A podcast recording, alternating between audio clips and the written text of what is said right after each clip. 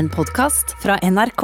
General Eirik Kristoffersen er forsvarssjef og fører kommando over Norges militære styrker. Han er dekorert med Krigskorset med sverd, landets høyeste rangerte militære utmerkelse. Og i den bestselgende boka si Jegerånden tar han oss med på innsiden av elitestyrken FSK, der han har jobbet i store deler av sin karriere. Dette er Drivkraft med Vegard Larsen i NRK P2. R. Kristoffersen, varmt velkommen til Drivkraft. Tusen takk. Det er, det er lov å droppe general, siden jeg er sivil. Ja, nå kan du si Eirik resten av sendinga. Det går fint, det. Takk. Eh, når, når går reviljen hjemme hos deg? Altså, Du har vært oppe noen timer, antar jeg? Ja, reveljen går vanligvis eh, klokka fem om morgenen. Eh, og så I dag starter jeg også dagen med en joggetur halv seks. Og så starter jeg egentlig arbeidsdagen klokka sju da, med de første møtene. Det er, sånn er det hver dag.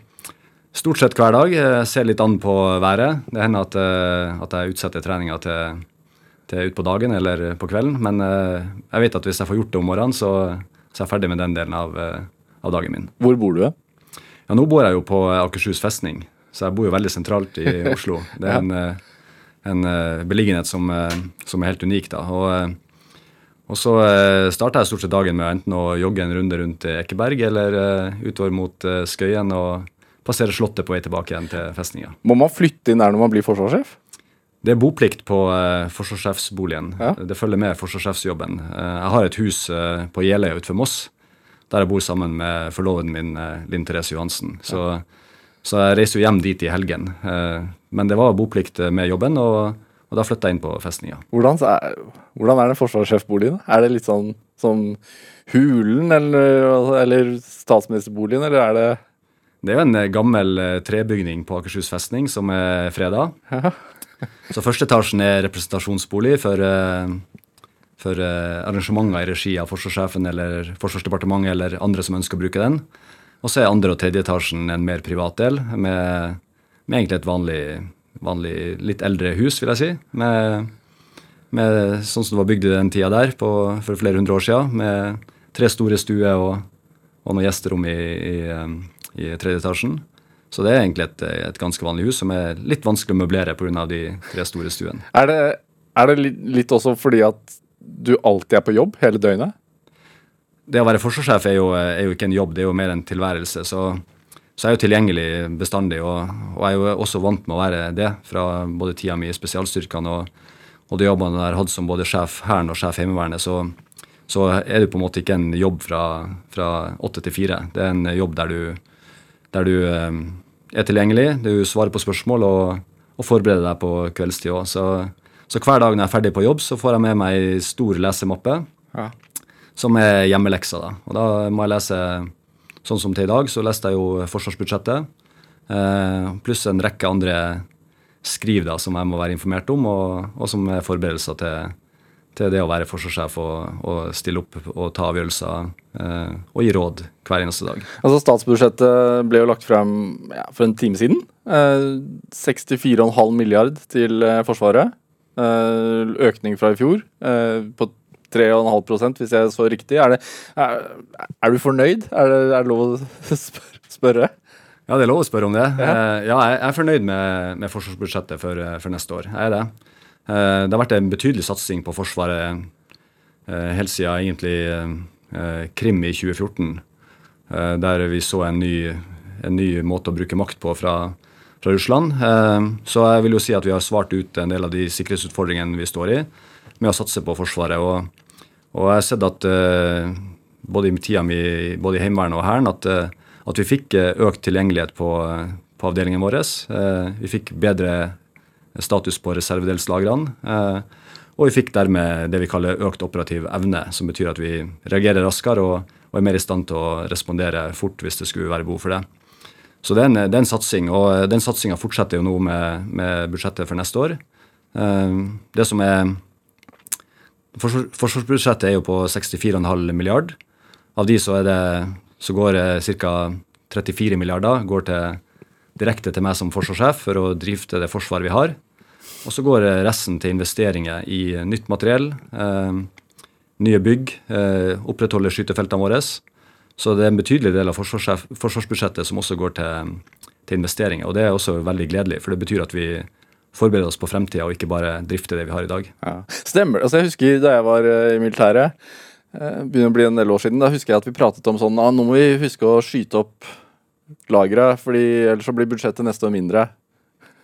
Er, er det sannhet i det der? Nei, det, det er ikke en sannhet i det, det lenger. Men det, du har helt rett, det var sånn. Jeg var også med på det. at uh, nå må vi få brukt opp de, den ja. ammunisjonen som er tildelt for i år, så ikke, så ikke uh, enten får mindre neste år eller uh, eller at vi eh, brenner inne med, med mer ammunisjon enn det vi ønsker. Ja. Jeg opplever ikke at det er sånn lenger. Nå eh, er det en mye mer eh, fleksibel ordning i forhold til både økonomi og, og ikke minst eh, lagerbeholdning. Så, så, hvis vi ikke bruker opp ammunisjon ett år, så overfører, overfører, vi den til neste år og legger den på lager. Så, så det, det, er ikke sånn lenger at, at, vi må skynde oss å bruke opp pengene hvert eneste år. Det er det ikke. Så det er en, det er en mer fleksibilitet. Det er det er lettere å få overført midler fra et år til et annet, men selvfølgelig så skal vi ha realistiske budsjett. og, og eh, der må jeg også si at både prognosene og hele måten vi styrer økonomien på, er blitt betydelig bedre de siste kanskje jeg vil si 15-20 årene. Altså Ministeren la jo fram budsjettet i Alta, hvis jeg så rett. Er det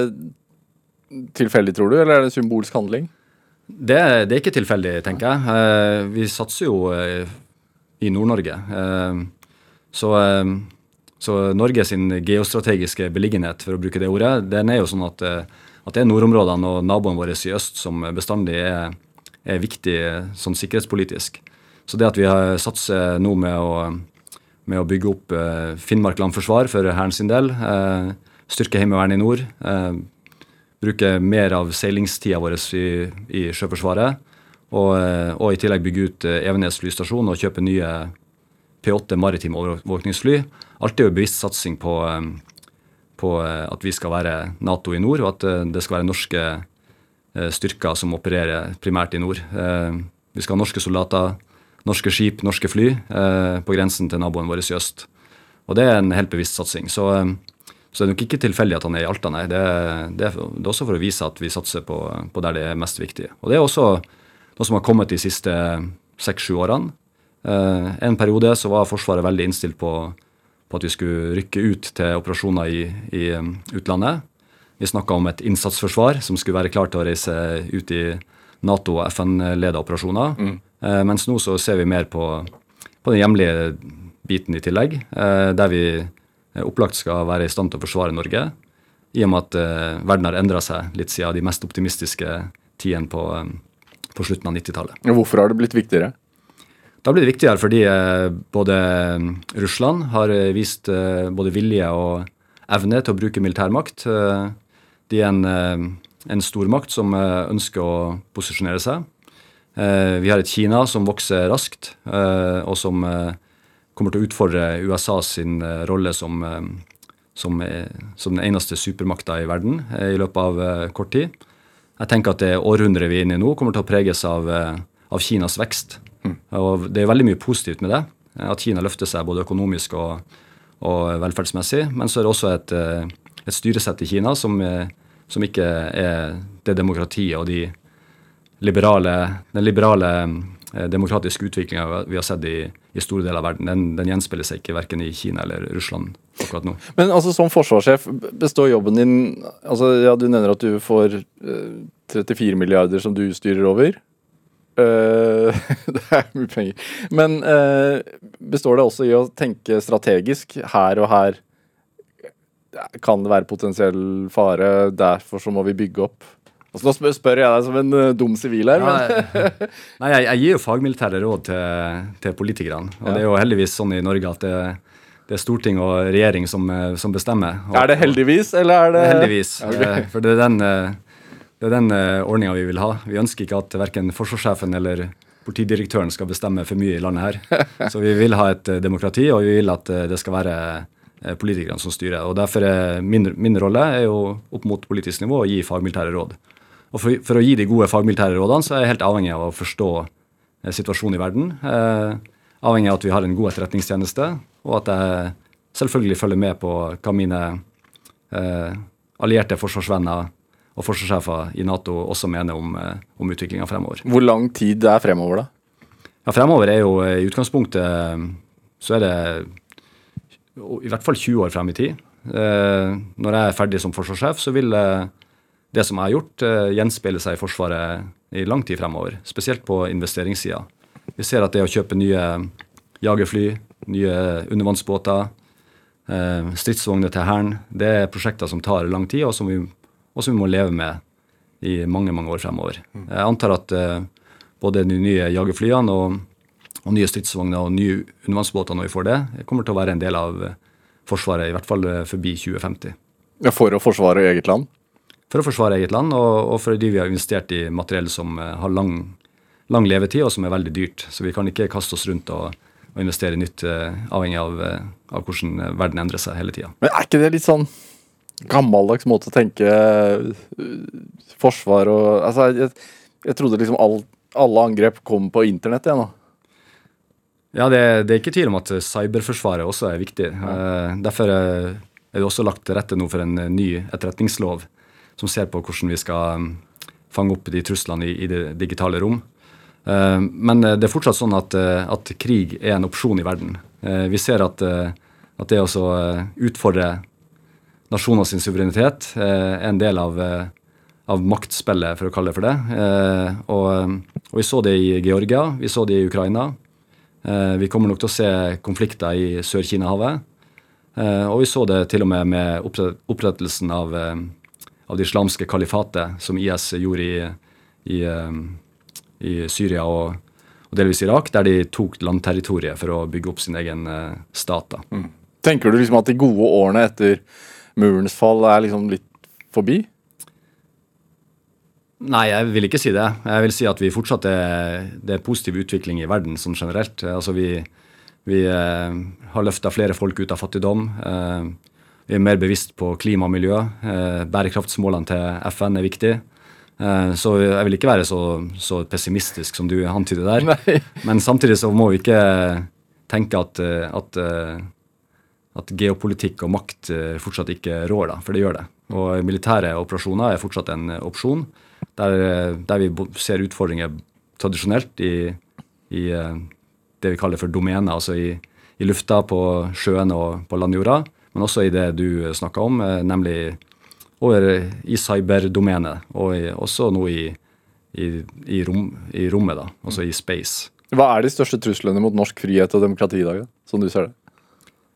De største truslene mot norsk frihet og demokrati er at vi tar det for gitt. Eh, vi må aldri gjøre det. Så vi må bestandig huske på hva, hva var det vi egentlig sloss for i andre verdenskrig. Hva var det vi sloss for når vi ble en selvstendig nasjon?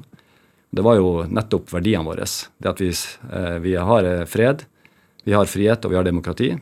Og så er Norge som en liten stat helt avhengig av en rettsbasert verdensorden. Og det er den rettsbaserte verdensorden vi må prøve å opprettholde, og ikke la stormakter bestemmer eh, f.eks. Eh, over havretten, som vi i Norge er helt eh, avhengig av. Da. Dette er Drivkraft med Vegard Larsen i NRK P2. Og i dag er eh, forsvarssjef Eirik Kristoffersen her hos meg i Drivkraft på, på NRK P2. Du har vært forsvarssjef i ca. halvannen måned. Har det innfridd? Er, du, er du fornøyd? Er du glad du takket ja til jobben? Jeg er jo veldig glad for at jeg takka ja til jobben. Jeg hadde jo aldri tro- trodd jeg skulle bli forsvarssjef. eh, Men eh, når jeg fikk eh, forespørselen om å stille på intervju sammen med flere andre, så gjorde jeg jo det. Og tenkte at nå skal jeg gjøre så godt jeg kan. Og så, hvis det er jeg som blir forsvarssjef, så skal jeg i hvert fall prøve å, å fortsatt være meg sjøl og, og bidra til at Forsvaret utvikler seg best mulig under, under min ledelse. Hva, hva, hva gjør du egentlig sånn en helt vanlig dag på jobben? Nei, En helt vanlig dag på jobben, eh, så, jeg, så vil jeg jo først si at eh, det finnes ingen helt vanlige dager på jobben. Alle dagene er forskjellige. Ja. Eh, Pga. korona nå så har jeg vært veldig mye i Oslo. Jeg har ikke vært så mye ute og reist som jeg hadde tenkt. Jeg hadde jo tenkt meg både til Nato, eh, ut og besøke mange av avdelingene våre. Eh, men koronasituasjonen gjør at jeg blir eh, veldig mye i, i Oslo. Og da eh, består egentlig jobben min i å hver dag å gi eh, snakke med, med forsvarsministeren. Det gjør jeg stort sett klokka ni hver morgen når han er til stede. Og hvis ikke han er til stede, så er det statssekretæren. Eh, og så eh, har jeg jo eh, eh, flere møter der vi beslutter f.eks. hvordan vi skal bruke pengene de neste fire årene. Prøve å lage, legge planer for, eh, for hvordan vi skal mm, sikre oss at vi oppnår de politiske målsettingene som, som, som ligger der i langtidsplanen. Og så er det jo en rekke store og mindre avgjørelser som skal tas. Så det blir faktisk mye møtevirksomhet. det blir det. Hvorfor vil, altså, hva, hva er det i deg som gjorde at du hadde lyst til å ta en sånn jobb? Det som hadde lyst til å, for meg, var jo at, eh, at, jeg mener at jeg har noe å bidra med. Eh, jeg tenker at, eh, at vi må tenke to, ha to tanker i hodet samtidig. Som forsvarssjef så må jeg både se fremover, men viktigst for meg er jo at jeg skal få det vi har, til å virke. Jeg har vært med på på mange omstillinger i Forsvaret, og jeg er en av de som, som liker ordet omstilling. Jeg liker også ordet avbyråkratisering og effektivisering. Ja. Så, jeg, så, jeg, mener at vi hele tida må jobbe hardt for å få et forsvar som, er, som sikrer at vi bruker skattepengene mest mulig optimalt. Og der tenker jeg at jeg har noe å bidra med. Har det blitt gjort før, da?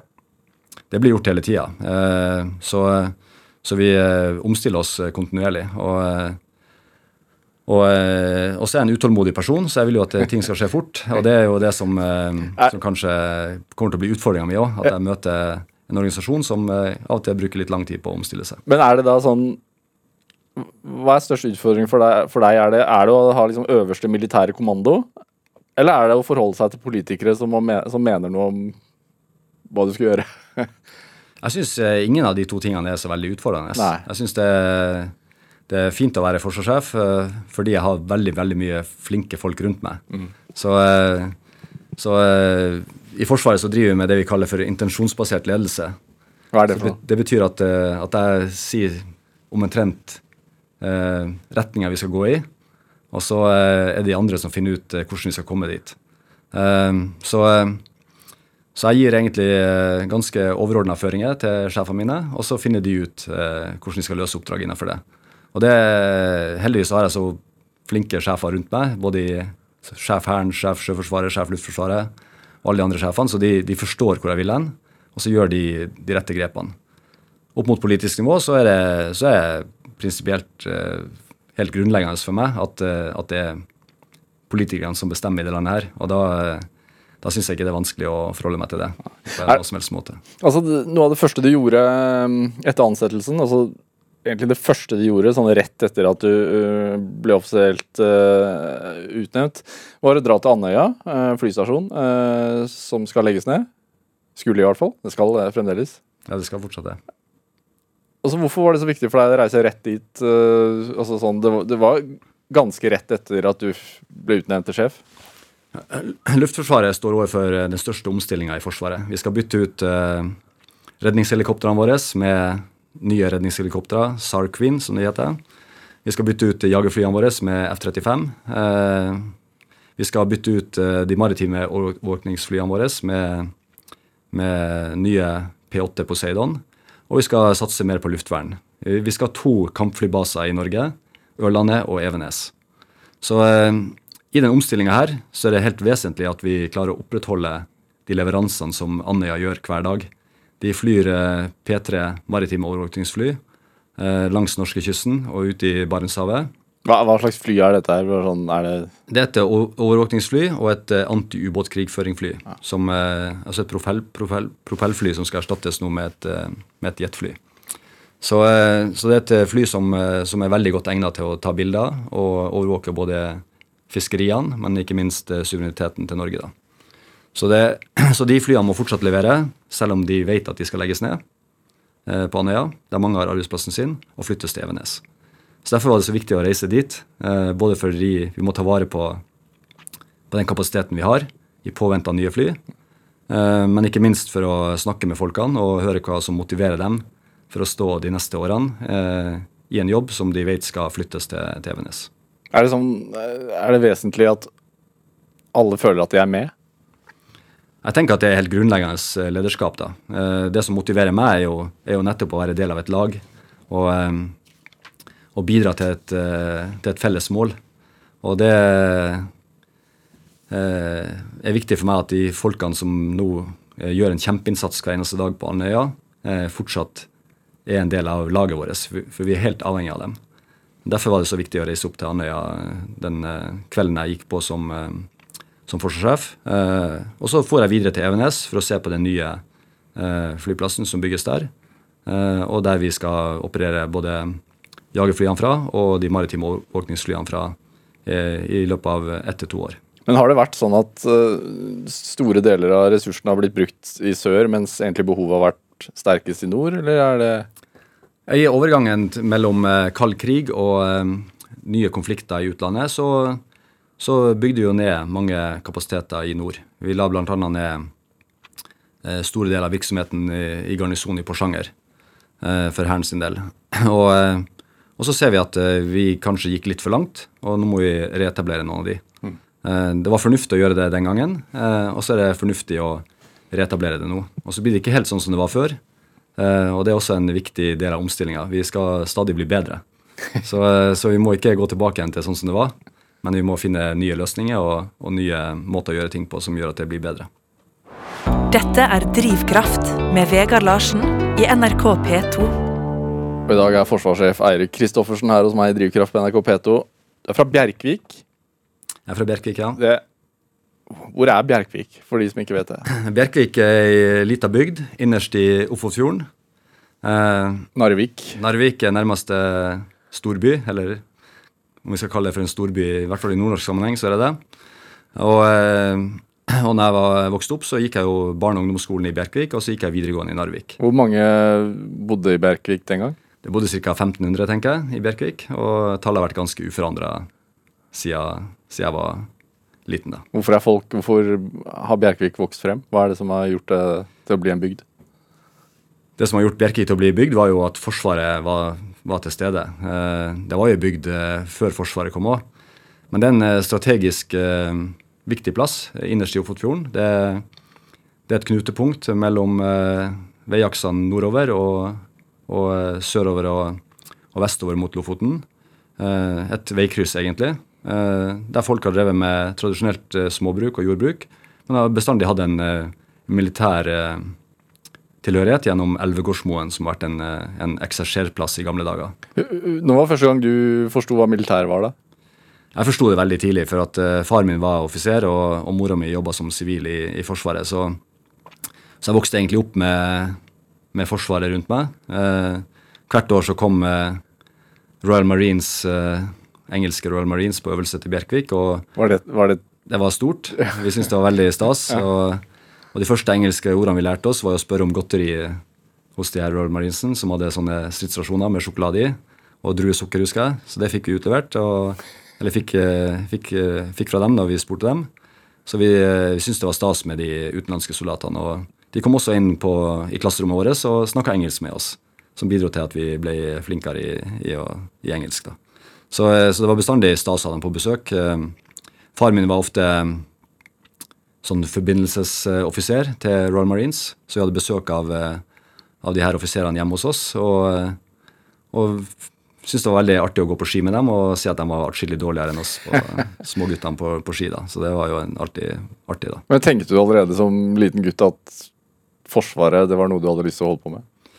Jeg tenkte egentlig ikke det. Eh, jeg hadde egentlig tenkt å bli sivilingeniør, eh, spesielt når jeg, når jeg, begynte å gå på ungdomsskole og etter hvert videregående.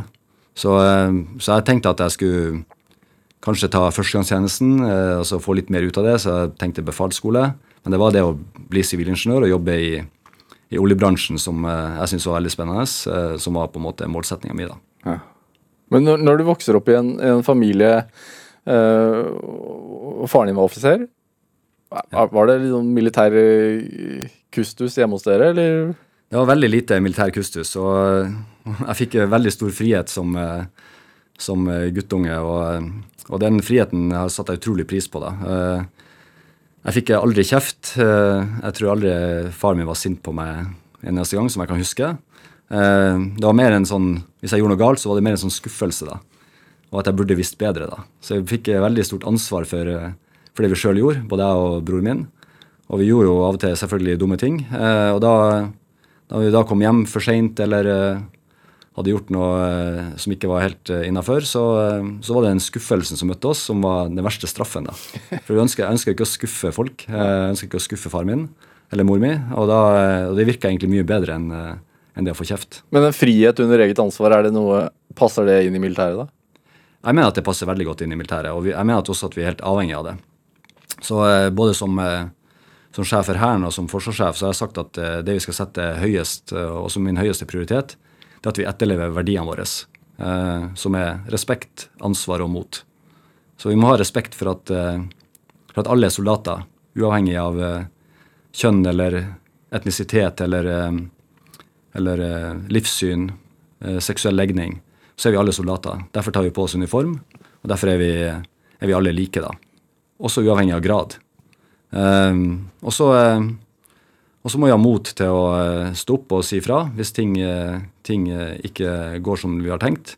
så jeg er mer opptatt av det motet til å, til å si nei og si at nå går det på sikkerheten løs, eller det her er ikke i henhold til verdiene våre. og så er jeg opptatt av at folk tar ansvar. Ansvar for seg sjøl, ansvar for laget sitt eller de de har rundt seg, og ansvar for at de har orden på orden i eget bo. da. Var det Robert Mood som innførte disse tre begrepene, eller har det vært der lenge?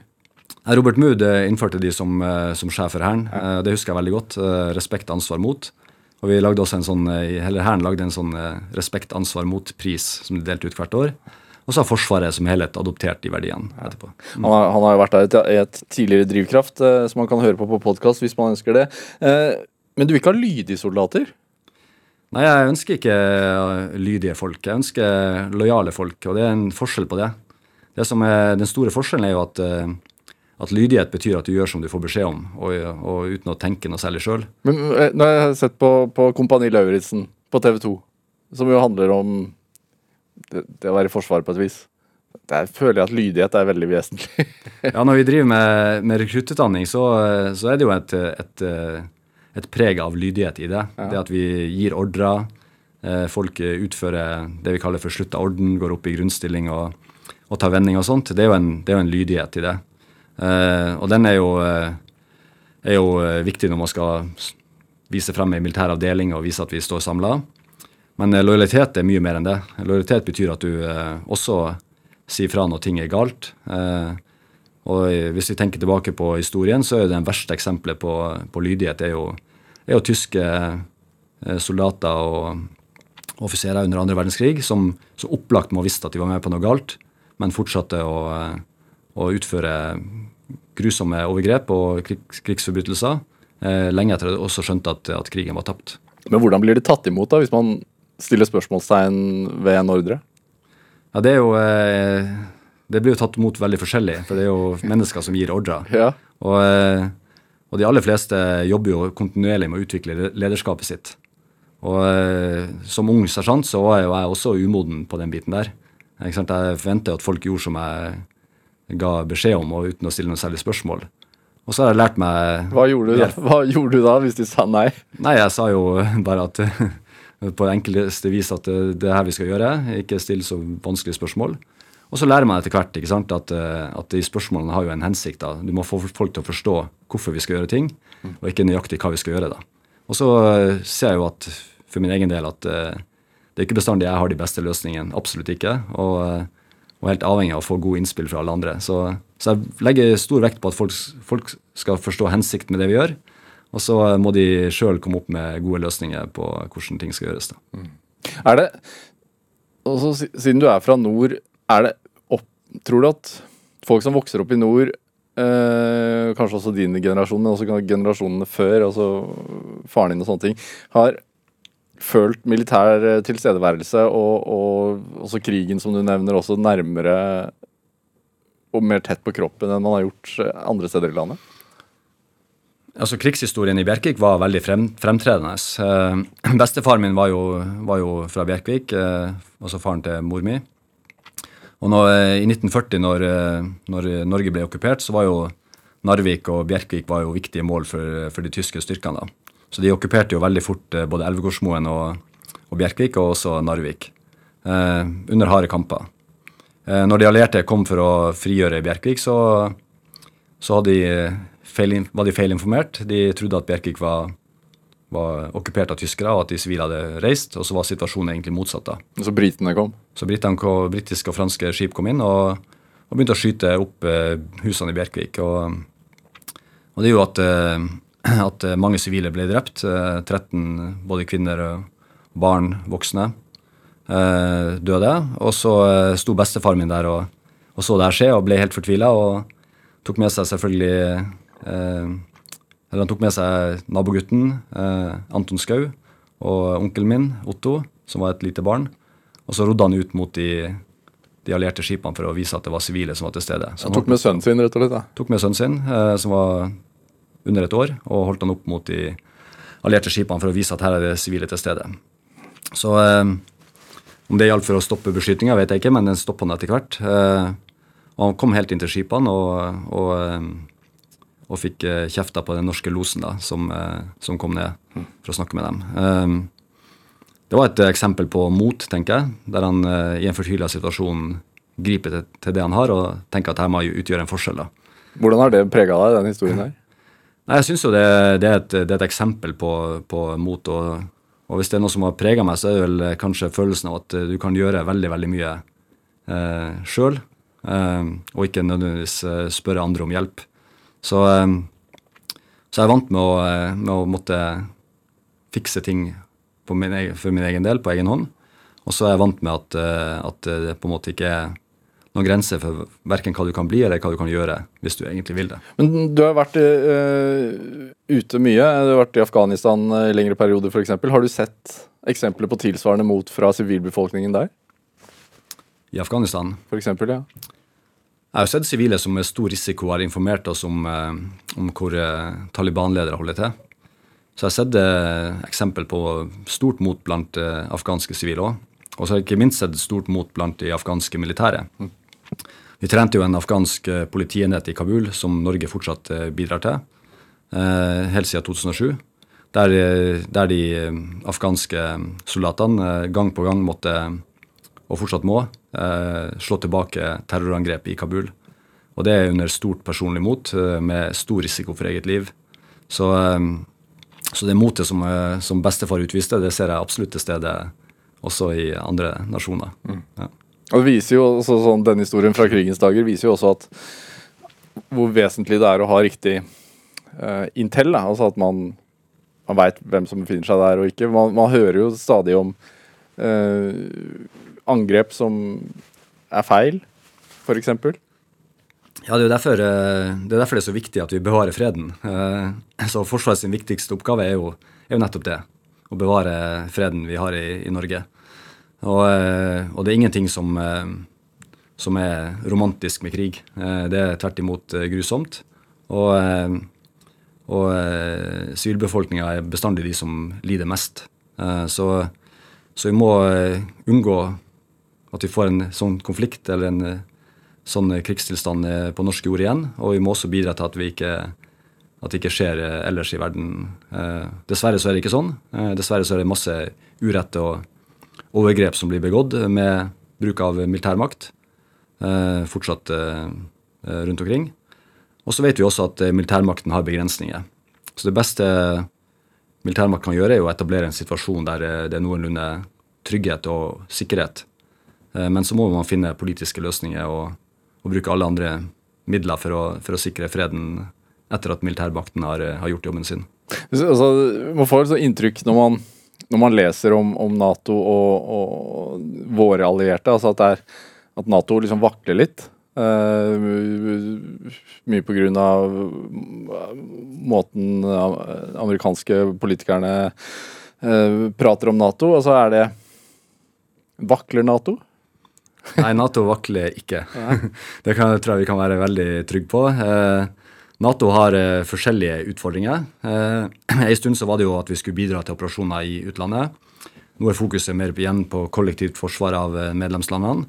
Og så står Nato overfor forskjellige typer utfordringer. I øst og nord så er det et sterkere Russland. I sør og, og sørøst så er det migrasjon. Eh, terror, eh, store utfordringer i forhold til miljø og klima. Eh, sånn at vi, vi står overfor forskjellige utfordringer i Nato. Samtidig som Nato nå består av 30 medlemsland. Det er verdens sterkeste militærallianse. Den har bevart freden nå i, helt siden 1949 og har gjort en, en betydelig innsats for å, for å, holde nasjoner sammen. Så jeg opplever på militær side at vi står veldig sterkt sammen. Og jeg var på et forsvarssjefsmøte i Nato nå der vi der vi snakker om akkurat de her utfordringene. Eh, fremover. Og, og opplever stor enighet blant forsvarssjefen om hva som er videre satsinga for Nato. Og så er, er det sånn at vi har en norsk generalsekretær i Nato, Jens Stoltenberg, som har gjort en formidabel jobb med, med å holde den politiske delen av alliansen eh, eh, samla. Eh, også med forskjellige ordskifter som har vært fra, fra forskjellige ledere i, politisk. Men så ser vi også at, at en ting er hva som blir sagt, en annen ting er hva som blir gjort. da. Og Hvis vi ser på hva som blir gjort, så, så opplever jeg et, et samhold som er, er fortsatt er helt unikt. da. Mm. Er du, er du programforplikta til å si det, eller er det Nei, det er jeg ikke. Jeg er ikke programforplikta til å si noe som helst, eh, tenker jeg. Men, eh, men det, det, det, er oppriktig ment. Eh, vi jobber hardt nå i Nato med å, med å gjøre Nato mest mulig likt organisert i, i fred, krise og krig. Og vi har tatt tak i alt av forsvarsplaner. Vi har, vi har laga de norske forsvarsplanene ganske Eh, i tråd med Nato sine, som gjør at vi samla sett eh, får et, eh, et, sterkere Nato, og et Nato som står samla. Både, både, du og broren din gikk jo inn i militæret. Ja. Hvorfor det, tror du? Jeg gjorde det jo for å, for å få litt mer ut av førstegangstjenesten og ta befalsskole og ta et år som sersjant i Forsvaret før jeg skulle begynne på sivilingeniørstudiet. Og det at du sitter her i dag, viser jo tydelig at det ble ikke sånn. Nei, det ble ikke sånn. Så, så jeg trivdes veldig godt i Forsvaret. Og det gjorde jo eh, tydeligvis bror min òg. Eh, så, så når jeg var ferdig som sersjant, så begynte jeg på NTNU, eller NTH som det heter den gangen, i Trondheim, og skulle bli sivilingeniør. Og det, det varte litt utover høsten. Så drev, husker jeg godt, veldig godt vi drev med pro programmering i noe som heter Turbo Pascal operativsystem. Og det syntes jeg var så ufattelig kjedelig. Og jeg savna Forsvaret, og jeg ville tilbake igjen. Så, hva, hva savnet du, da? Jeg savna egentlig eh, samholdet, det å være et lag. Eh, jeg savna folkene. Og så hadde jeg veldig, veldig eh, stort engasjement for å reise til, til Libanon, som var den FN-operasjonen som Norge deltok i på, fra 1978 til 1998. Da. Hvorfor ville du så gjerne det? Det var nok for at, eh, for at jeg hadde vokst opp med folk som hadde vært i Libanon. Jeg hadde sett bilder fra derfra. Eh, eventyrlyst, opplagt. Men også følelsen av å, av å, bidra til noe som var større enn meg sjøl. Eh, og være en del av et, et, lag igjen. Være en del av, eh, av et soldatfellesskap. Og det soldatfellesskapet tror jeg er, er, kanskje det som veldig mange savner etter å ha vært ferdig i Forsvaret. Eh, selv om eh, det kan være ting man absolutt ikke savner, så er, det fellesskapet og den unike følelsen av å være del av et lag er det som folk eh, ofte ser tilbake på. det. Men, men altså det at man, at man vil inn i noe og så gjøre noe som er litt sånn større enn seg selv. Er det Hvordan overbeviser man seg selv om at saken er så viktig at altså, liv kan ofres, både ens eget og, og andres?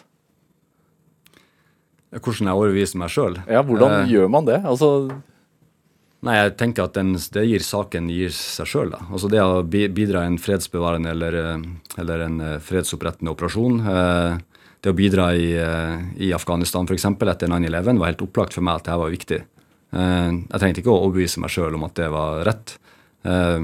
Vi diskuterte ofte det i, i spesialstyrken om hvorfor reiser vi egentlig ut. For der var det jo på en måte ikke frivillig, sånn som det var i Libanon. Det var en del av jobben. Og det var jo for at, for at det var bestemt av politikerne.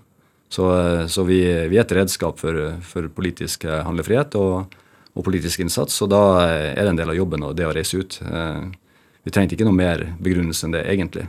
Og så går det selvfølgelig grenser for enkelte, der, det, der, man føler at eh, ok, det her er ikke rett, og da må man jo si fra. Og så har man egentlig to valg. Det ene, det ene er, jo, er jo også rett og slett bare slutte, eller, eller reise ut og gjøre den jobben som vi er satt til å gjøre. Da. Har du tvilt noen ganger, da?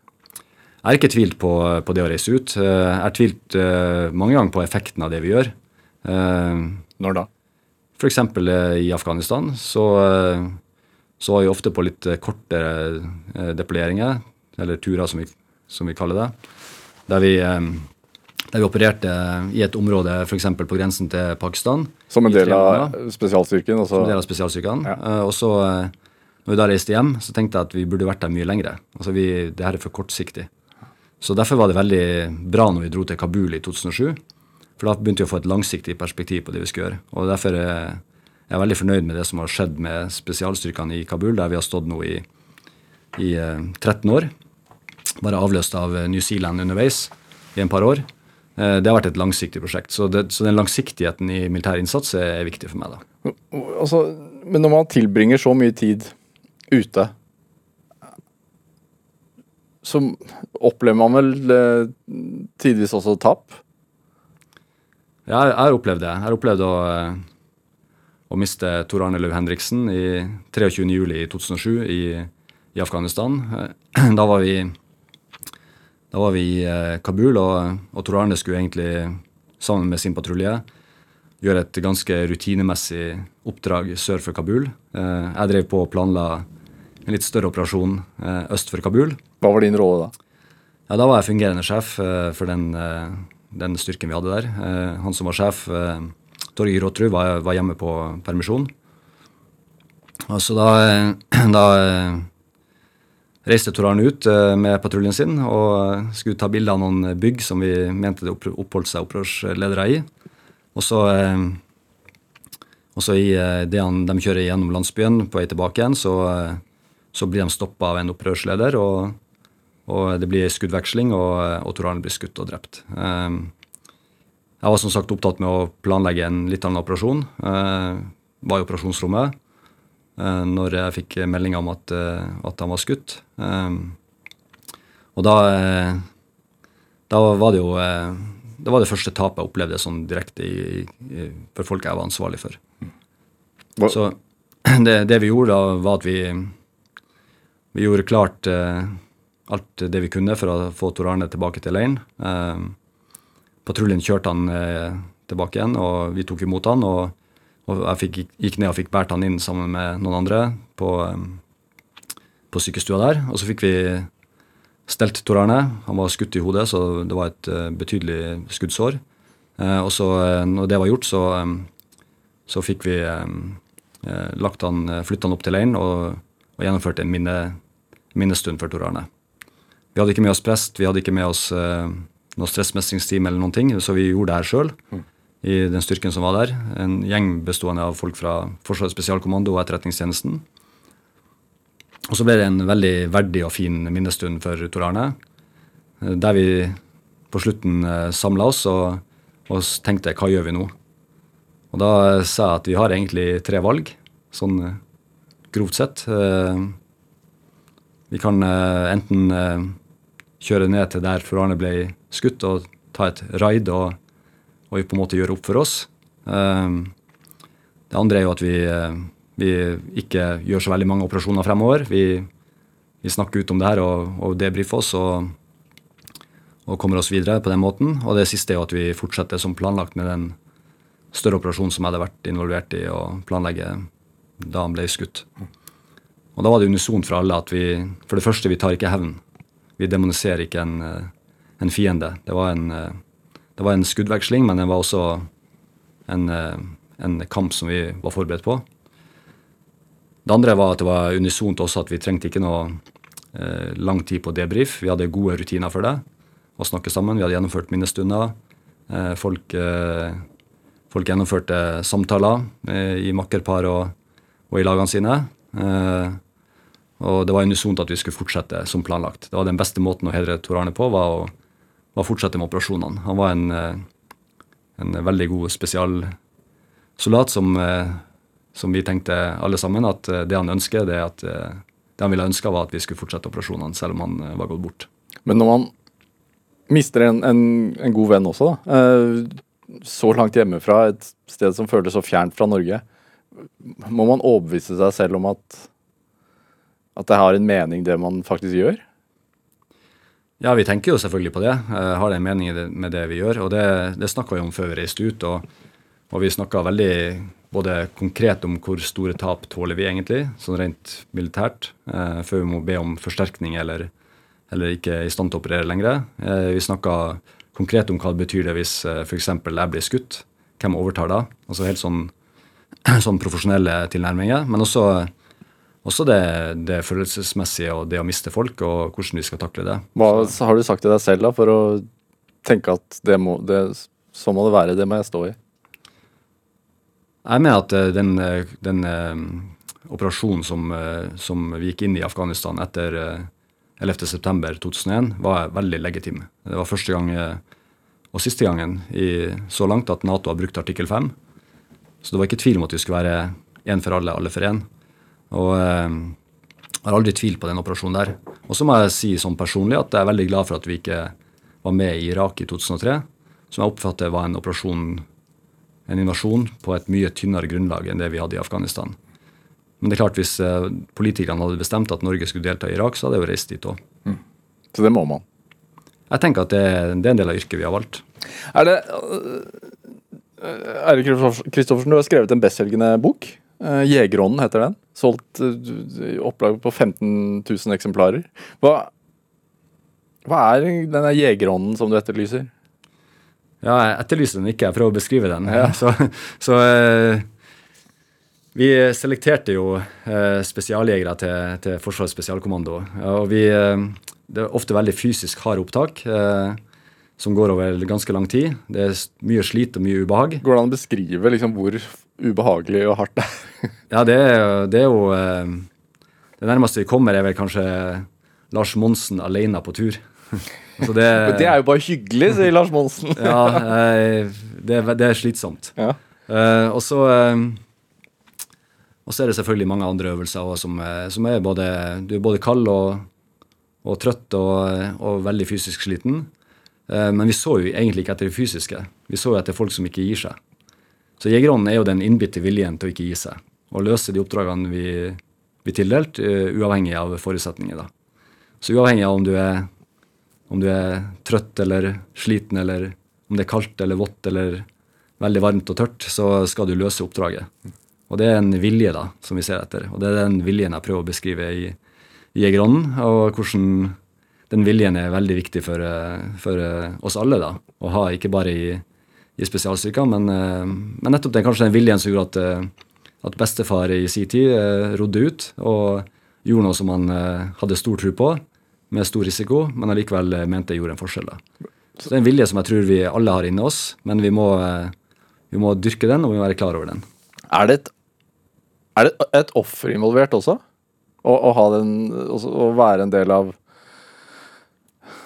militæret gjennom så mange år, sånn som du har vært?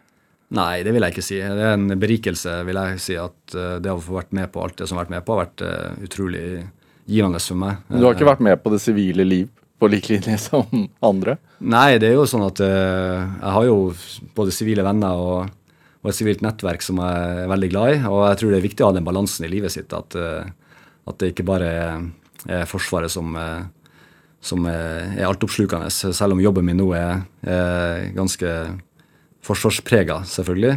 Så, eh, så er det fortsatt sånn at jeg setter stor pris på det sivile livet. og og når jeg nå bor midt i Oslo, så er det jo kort vei både til det ene og det andre. Så jeg, jeg bruker kulturtilbudet som er i Oslo Ja. så mye jeg kan. Men du har, fått, du har, du har vært åpen om det også, at du har, fått, eh, du har fått barn mens du har vært eh, i militæret i Afghanistan. Fire barn. Vært gift to ganger, som du har fortalt om. Er det en vanskelig kombo? Det er en vanskelig kombo for alle, tror jeg. Det å så, eh, det å balansere mellom familieliv og, og jobb. Eh, Det er vanskelig når ungene er små. Det er vanskelig eh, også når, eh, når de vokser til. Og så er det vanskelig når, når du opplever sånn som jeg har opplevd, at, at du blir skilt ikke bare én gang, men to ganger. Så, så selv om det, det er ting som som alltid vil være et savn, så opplever jeg at til min store glede at, at ungene fortsatt vet veldig godt hvem jeg er og, og setter stor pris på meg. Og, og det, største, det største tegnet var kanskje at dattera mi på 24 flytta inn hos meg i sommer. eh, for hun skal hun var akkurat ferdig med jusstudiet sitt og skal inn i Forsvaret som vernepliktig jurist, og da vil hun bo med far sin. da. Og det, det tenker jeg, da har jeg ikke gjort alt feil. Men, eh, men det er klart, jeg har gått glipp av eh, og som sikkert mange andre har gjort, så har jeg gått glipp av for min egen del. Mange fotballtreninger. Eh, Jeg har en 14-åring som spiller ishockey. Jeg får ikke vært med på så veldig mange av de treningene hans pga. at jeg er skilt og bor et annet sted. Eh, Som jeg kanskje kunne ønska hvis jeg bodde nærmere. Og det, det gjelder jo ikke bare meg, det gjelder veldig mange av oss i, i samfunnet. Eh, Samtidig så har jeg, så har jeg stor tro på at eh, folk må gjøre det som er rett. Og for meg så har de, de to skilsmissene gjort at jeg også har funnet den rette personen i livet mitt. Jeg har stor tro på, på kjærligheten, og, og, at jeg nå har funnet Linn Therese, som jeg får forlova med, er jo en ting jeg setter stor pris på. Og hun er vel også i Forsvaret? Hun er i Forsvaret, ja. Eh, så det er jo, sånn sett er det jo, er det jo litt, eh, litt spesielt. Men, men, vi har det veldig fint sammen, og, og hadde ikke møtt henne hvis ikke det hadde vært for at for at jeg hadde levd det livet jeg har levd. Hvor, hvor avhengig som samfunn tenker du at vi er av sånne som deg, som velger å leve det livet, og som velger å ta på seg de oppdragene, og som velger å reise ut på skarpe oppdrag og, og ta den, hva skal man si, den delen av, av, jobben som ingen egentlig vil ha? Nei, eh, vi er, vi er avhengig av, eh, av, eh, å ha et forsvar. Det, det er jo jeg personlig helt overbevist om. Og jeg er helt avhengig av at jeg har folk som, som vil stille opp og, og ta den, de jobbene som som eh, Forsvaret innebærer. Og så er vi helt avhengig av eh, det samme innenfor brann og redning. Vi er avhengig av det innenfor eh, politi, helsevesen. Vi er avhengig av det som amerikanerne kaller public servants, altså folk som jobber for, for det offentlige og, og, og stiller opp når det kreves. Og jeg må jo si nå under pandemien at jeg er imponert over den innsatsen som helsearbeidere har lagt ned. Så, Føler du at de har gått litt i krigen for oss andre? Absolutt. Jeg syns de har gjort en eh, fantastisk jobb og under, under stor risiko for, for seg sjøl. Korona er jo absolutt ikke ufarlig. Og eh, når de da har eh, helsepersonell som står i første linje og, og tar unna, i hvert fall i, i starten, de med stor usikkerhet vanskelige tilfeller, så er det imponerende. Og det er vi alle avhengig av. Så vi er en liten nasjon der vi egentlig alle er avhengig av alle. Uh, og det er jo der uh, Jeg tenker også at Forsvaret har en, uh, en rolle med, med, den verneplikten vi baserer Forsvaret på. Der i utgangspunktet alle er vernepliktige i, i landet og skal bidra til noe som er større enn dem sjøl. Mm. Det, er ikke så lenge siden så hørte vi en sånn historie om Hanne Elgåen som, som var topptrent og gleda seg til førstegangstjenesten. Men, men da hun fikk utdelt våpen, så kom en reaksjon og skjønte at hun ikke kunne sette seg i en situasjon der hun faktisk var nødt til å avfyre det våpenet eller drepe noen. Er det en, er det en liksom romantisering i forhold til det å, å, bli en del av Forsvaret, tenker du? Som har ført til en sånn misoppfatning? Det er jo, en, det er jo et uh, opplagt et, eh, et, ønske blant mange unge å bli en del av Forsvaret, som, uh, som kanskje bygger på, på en uh, idé om hva det egentlig er for noe. at man skal være en del av et lag og og eh, det handler veldig mye om, eh, om eh, grunnleggende soldatferdigheter, og det gjør selvfølgelig det. Så det er ikke noe galt i det. Men det som er viktig med, med historien til, til Hanne, er jo, er jo at hun Når hun da skjønte at det her var ikke for henne, så sa hun ifra. Hun sto opp for det hun trodde på, og utviste stort mot, syns jeg. Må ikke være en del av, av, gjengen, men faktisk si at OK, jeg prøvde, men det var ikke noe for meg. Så det setter jeg enorm pris på. da. Jeg mener at hun etterlevde fullt ut de verdiene som jeg er opptatt av. da. Både respekten for, eh, for sine egne meninger. Eh, hun hadde også respekt for de som fortsatte i Forsvaret. Eh, og så tok hun ansvar når hun mente at jeg var feil, og viste mot med å si fra og faktisk slutte i Forsvaret. Og stå frem med historien sin. Så jeg satte veldig pris på den historien til Hanne Elgåen. Jeg syns det, det, var godt å lese det. Det viser at vi har et forsvar der vi der vi respekterer at folk har andre meninger òg. Bør man gjøre seg de refleksjonene når man får et våpen i hånd? Ja, absolutt. Eh, altså det, det, handler i verste fall om å ta liv. Eh, og eh, vi må være forberedt på det. Eh, forsvaret må det. det. det. er statens ypperste maktmiddel. Eh, og hvis, eh, hvis, det må tas i bruk, så er, det, så er, det, det vi er til for. Det å bruke makt. Ja. Hvordan er det å sitte på toppen der da og si at nå må vi bruke makt? Det er jeg ganske trygg på at vi kommer til å gjøre på en veldig god måte. Så det, det er uproblematisk for meg. Eh, det at, vi, eh, det at, vi, følger krigens folkerett, eh, de engasjementsreglene som gjelder i, i, de situasjonene vi er i, har, har, bestandig gjort meg trygg på at det maktbruken vi, vi eventuelt må bruke, er proporsjonal og i henhold til de eh, prinsippene som ligger til grunn for bruk av militærmakt. Og det, det var viktig i Afghanistan. Det var viktig at vi selv om vi sto overfor en fiende som absolutt ikke hadde verken opplæring eller fulgte eh, krigens folkerett eller engasjementsreglene, så skulle ikke vi gjøre det samme. Vi skulle ikke falle ned på det nivået. Vi skulle opprettholde eh, nettopp prinsippet om å bruke eh, minst mulig makt og ikke noe mer makt enn nødvendig hvis det, vi sto i situasjoner. Mm. Stemmer det at du en gang avverget at en bil ble sprengt også? Og de inni bilen de hadde bare magesjau? Ja, vi, hadde jo, vi så jo teknologiens begrensning i Afghanistan òg. Altså, vi fikk jo veldig god informasjon fra fly og droner. Eh, og en gang så, så var det et fly som var overbevist om at de var i ferd med å kjøre inn i et bakhold med opprørere, og de ba om, om eh, da, fra meg for å kunne droppe ei bombe på den bilen. Og jeg holdt igjen, for jeg mente at det var litt for uklart. Eh, og jeg var ikke sikker på om det her var opprørere som lå i, lå i bakhold. Og så kom bilen eh, Etter hvert så lasta folk opp i bilen, og så kjørte de nærmere oss, og så gikk de ut igjen. og, og flyet ba på nytt om eh, klarering fra meg, for det var jeg som var på bakken som måtte gi klareringa. Og nok en gang sa vi nei, og, og så stoppa vi hele bilen og sjekka hva det var for noe, og så viste det at det var en, en eh, stor, tettpakka eh, bil med masse folk inni, eh, der de var ganske så dårlige og måtte stoppe hele tida for å enten fylle vann på radiatoren på bilen, eller, eller at folk måtte rett og slett på do i, i grøfta rundt der. De var ordentlig syke. Så, så, så, små Så det er små marginer, marginer og derfor oppstår, det også, derfor oppstår det også feil i krig. Derfor, er, derfor vil det Derfor vil alltid sivilbefolkninga være mest utsatt. Eirik Kristoffersen, tusen takk for at du kom hit til Drivkraft. En time går fort. Takk skal du ha. Hør flere samtaler i Drivkraft på NRK på nett, eller last oss ned som podkast. Send oss også gjerne ris og ros eller tips til mennesker du mener har drivkraft. Send e-post til drivkraft.krøllalfa.nrk.no. Vi hører veldig gjerne fra deg. Ellen Foss Sørensen var dagens produsent og researcher til dette programmet. Anne Sofie Stang bidro også sterkt til denne sendingen. Jeg heter Vegard Larsen. Vi høres. Du har hørt en podkast fra NRK. Hør flere podkaster og din NRK-kanal i appen NRK Radio.